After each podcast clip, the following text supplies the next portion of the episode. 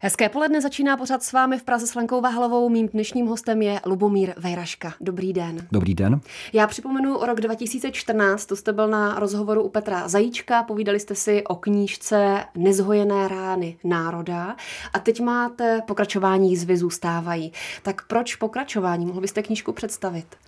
Protože Nezhojené rány národa eh, bylo téma, které se hodně věnovalo muklům, to znamená politickým vězňům eh, bolševického režimu z 50. let a především jejím ženám se to téma věnovalo.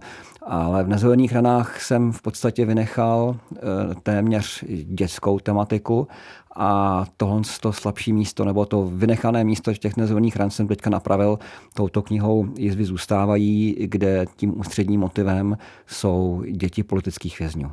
A jsou to stejné případy, stejné příběhy, stejné rodiny, anebo děti jsou oslovené z jiných rodin?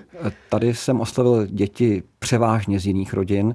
Já, když jsem dělal na nezvolených ranách, tak jsem pracoval eh, s mukly, kteří třeba eh, neměli děti, když byli zavřeni, měli děti až poté, co je pustili.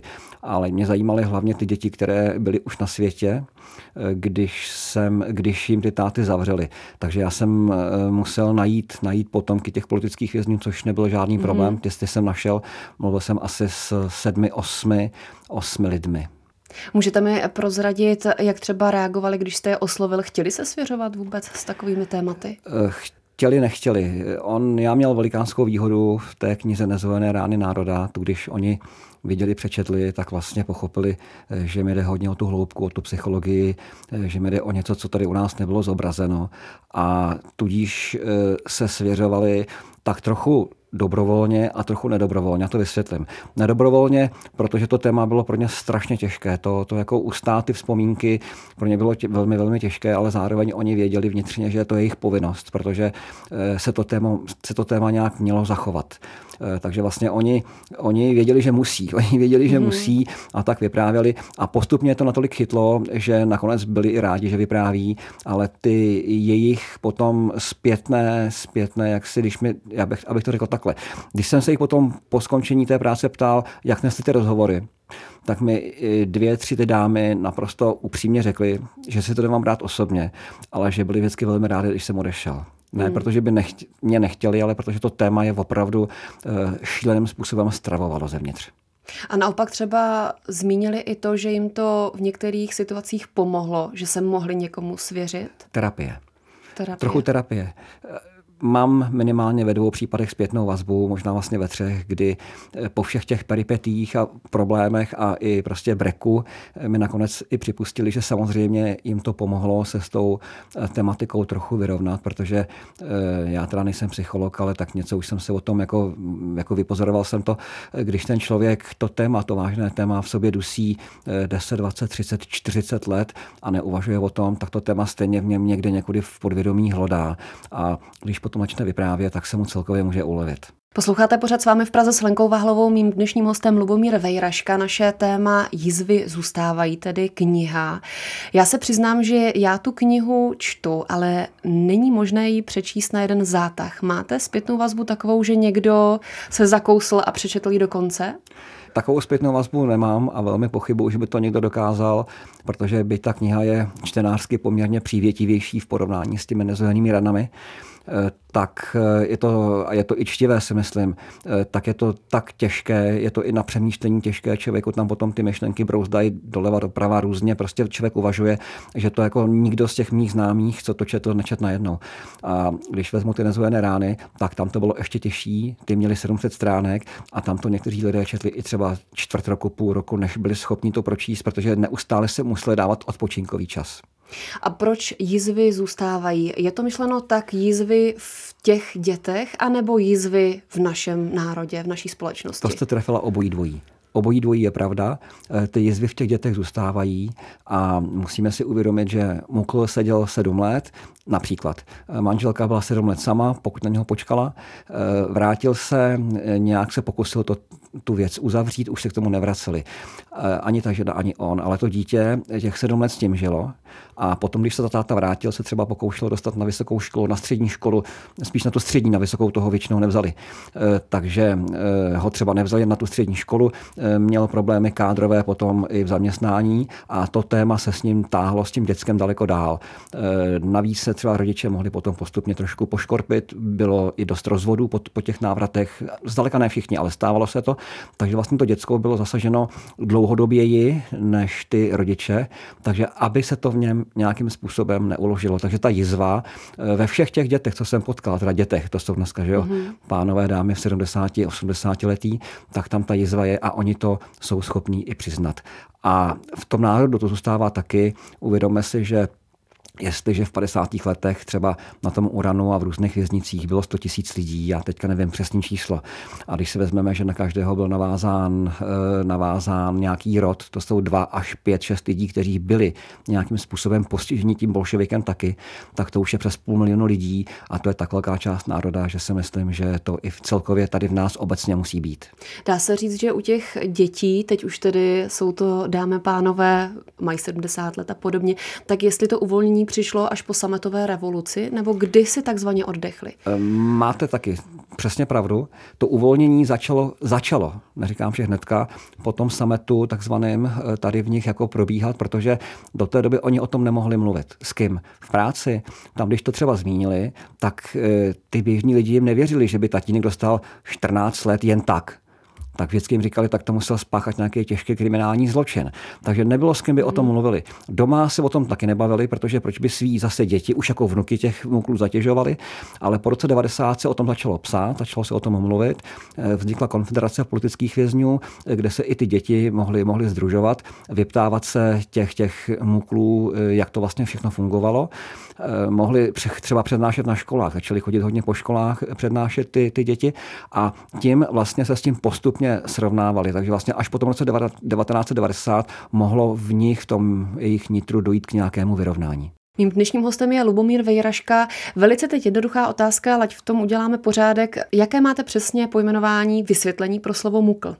Říká se, že to je muž určený k lopatě a jiní to překládají jako muž určený k likvidaci. E, to je vysvětlení, kterými hmm. podali muklové, s kterými jsem já takhle hovořil. Za jaké přečiny a nebyly nikterak vážné, většinou si šli sednout. Někteří si šli sednout jen tak. Ne, že by se jim chtělo. Prostě byli těm komunistům... A jsou to 50. a 60. léta? Mluvíme, mluvíme o 50. letech teďka, 50. leta, to znamená od roku 48, mm-hmm. potom puči e, dál. Amnestie byla v roce 60, pak ještě byla jedna v roce 62 nebo kdy. E, poslední ale mukli pouštili třeba v roce 64, 65, 66, nebylo už jich moc, ale byli.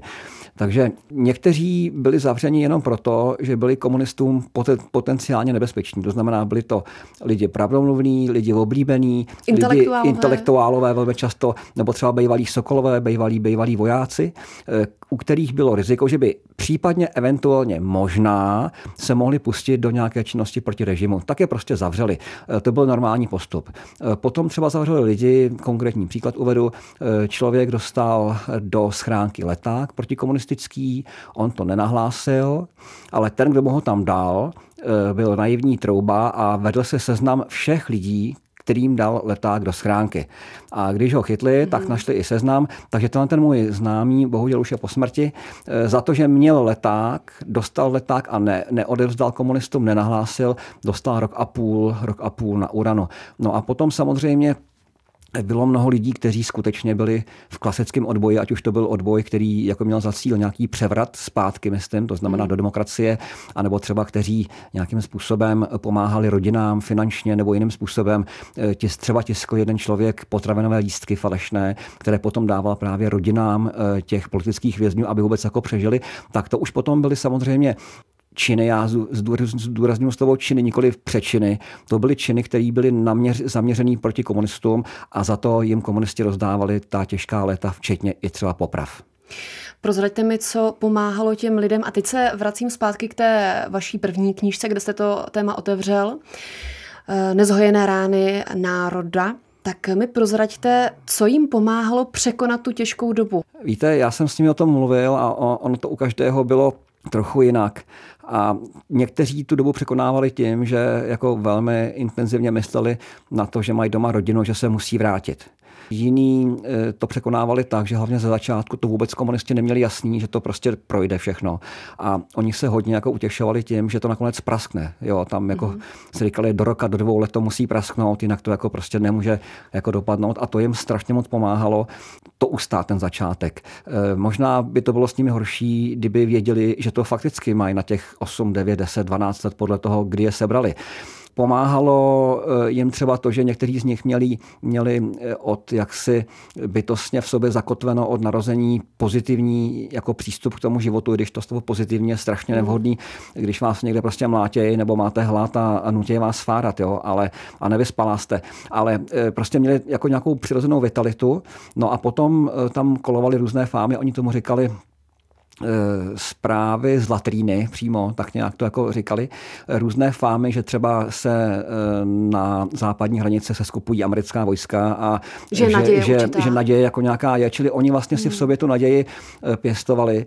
Můžu vám ale říct, že když jsem se s nimi o tom jako bavil do hloubky, tak vlastně oni vždycky z tohohle toho trochu jako utíkali, protože už to byly jako tak, tak hluboké, hluboké jako dotazy do takových úrovní hlubokých, že se jim o tom nechtělo moc mluvit a já je i někdy podezíral, že to mají naprosto vytěsněný a že vlastně už si to úplně nepamatují, jak to tenkrát bylo. Ale především to pro ně bylo strašný, strašný a strašný, to, co tam prožívali, to nejenom to mučení, ale i potom ty lágry, jak tam prostě byly ty podmínky a e, přečkat to nebylo nic jednoduchého. Vy jste i s tou předchozí knihou a předpokládám i s touhle jezdil na besedy po školách. Mě by zajímalo, jak reagují studenti a jestli vůbec ty události 50. let e, mají nějak v podvědomí, třeba ze školy. Já jsem moc nejezdil, protože to je časově velmi náročné, ale byl jsem na pár testovacích jakoby, jako nějakých těch akcí, když mi někdo ukecal z těch kantorů.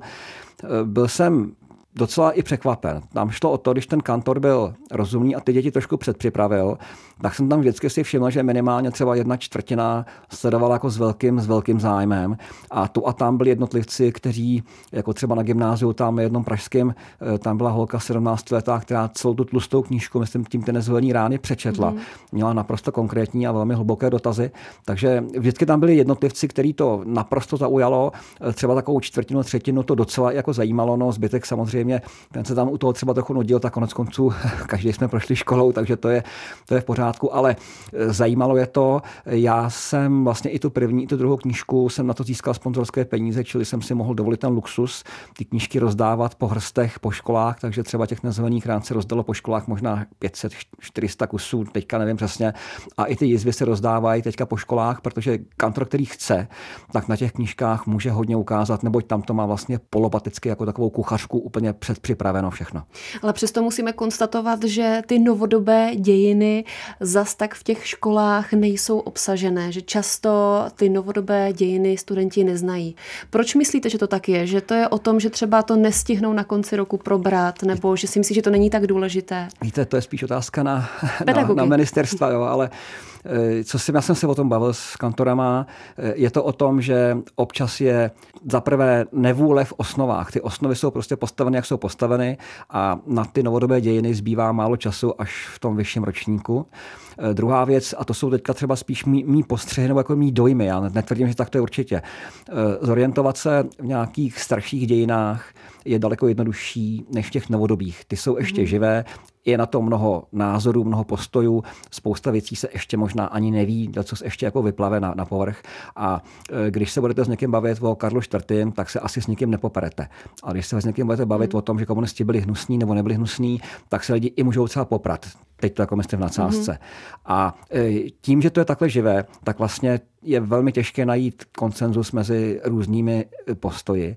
A teď si představte, že kantorka bude, a to se přesně taky třeba stalo, co jsem já jako mluvil s někým, kantorka velmi živě začne vyprávět o 50. letech a o tom, jak ten průměr tady je do dneška, že jo, těch komunistů tady máme hodně, hodně i v různých funkcích, je to jako spíš horší, než to bylo. A ona se do toho položí, těm dětem to řekne velmi až třeba emotivně.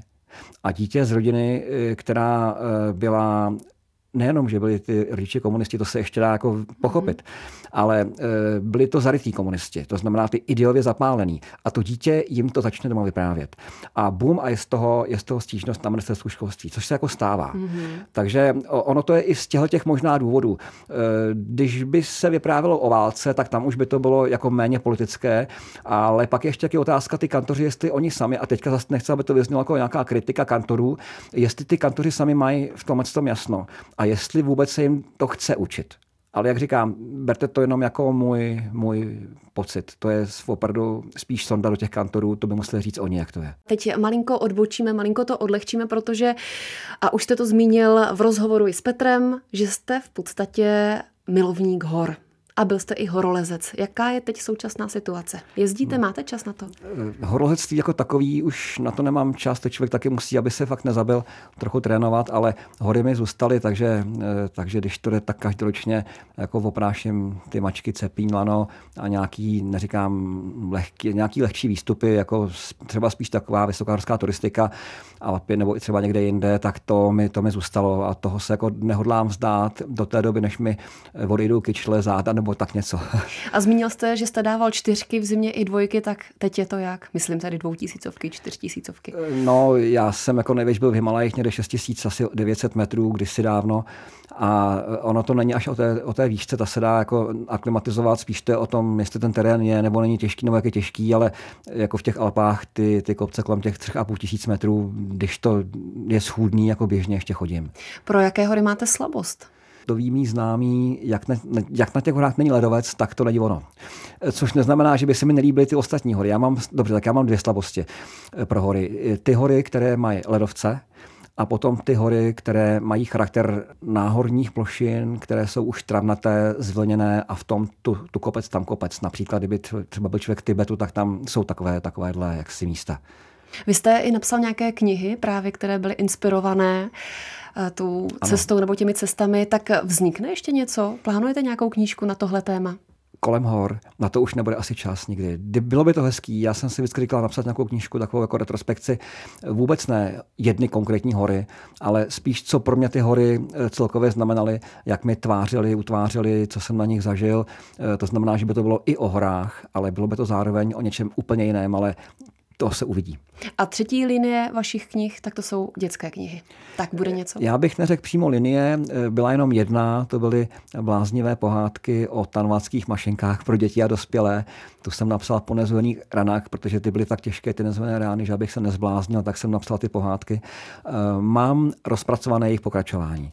Jestli budou za rok, za dva, nevím, ale rozhodně chci, aby ještě jedny vyšly. Pokud by vyšly, už by to byla linie, už by byly dvě. Mně napadají dvě otázky v tom závěru. První věc, jaké jsou reakce, jaká je zpětná vazba na vaši poslední knihu Jizvy zůstávají a taky potom, kam chcete jít dál? Jestli jsou ještě nějací potomci, potomků, kteří Takhle. by mohli být obsahem eh, další knížky. Takže první otázka vaše. Autor by se neměl chválit sám sebe, ale můžu to říct, ty reakce jsou vynikající. Dneska jsem mluvil s Honzou Krylem, s bráchou Karla Kryla, který ho znám dlouhodobě. On zná všechnu moji tvorbu, tak ten mi jako vysekl velkou poklonu. Mám i zpětné vynikající reakce od lidí z těch muklovských rodů, i když to se jako i dá očekávat, ale mám i běžné, běžně velmi dobré reakce od lidí třeba z vodnovin nebo prostě i od běžných čtenářů, takže to je v pořádku. A případné pokračování, já jsem tomu tu knihu, která má nějakých 170-200 stránek, koncipoval původně jako daleko silnější, pak už jsem to se rozhodl, že to rozdělím na víc částí. Mám materiálu minimálně na další dvě, tři knížky, kdyby teda pán dal a mohlo se na tom jako pracovat dál. No a možná ještě mě zajímá reakce těch, dejme tomu, pamětníků. Mm-hmm. Tak eh, dali vám třeba zpětnou vazbu takovou, že jste opravdu vystihli ty jejich vzpomínky a ty jejich myšlenky a to, co skutečně prožívali? Jo, Dali, dali. E, dokonce platilo to, e, co platilo i u té první knihy Nezvojené rány národa, že někdy říkali, když to vystihl lépe, než jsme si to my v sobě byli schopni uvědomit. A já jsem vždycky odpovídal, to bylo tím, že já se na to můžu podívat trochu jako zvenší. E, já vás velmi dobře znám, ty lidi jsem třeba viděl desetkrát, pětkrát, takže jsem byl někdy schopen ty jejich neobratné myšlenky definovat daleko lépe já než, než oni, takže jsem to jako většinou vystihnul dost dobře. A kdy vás opravdu zamrazilo při těch rozhovorech?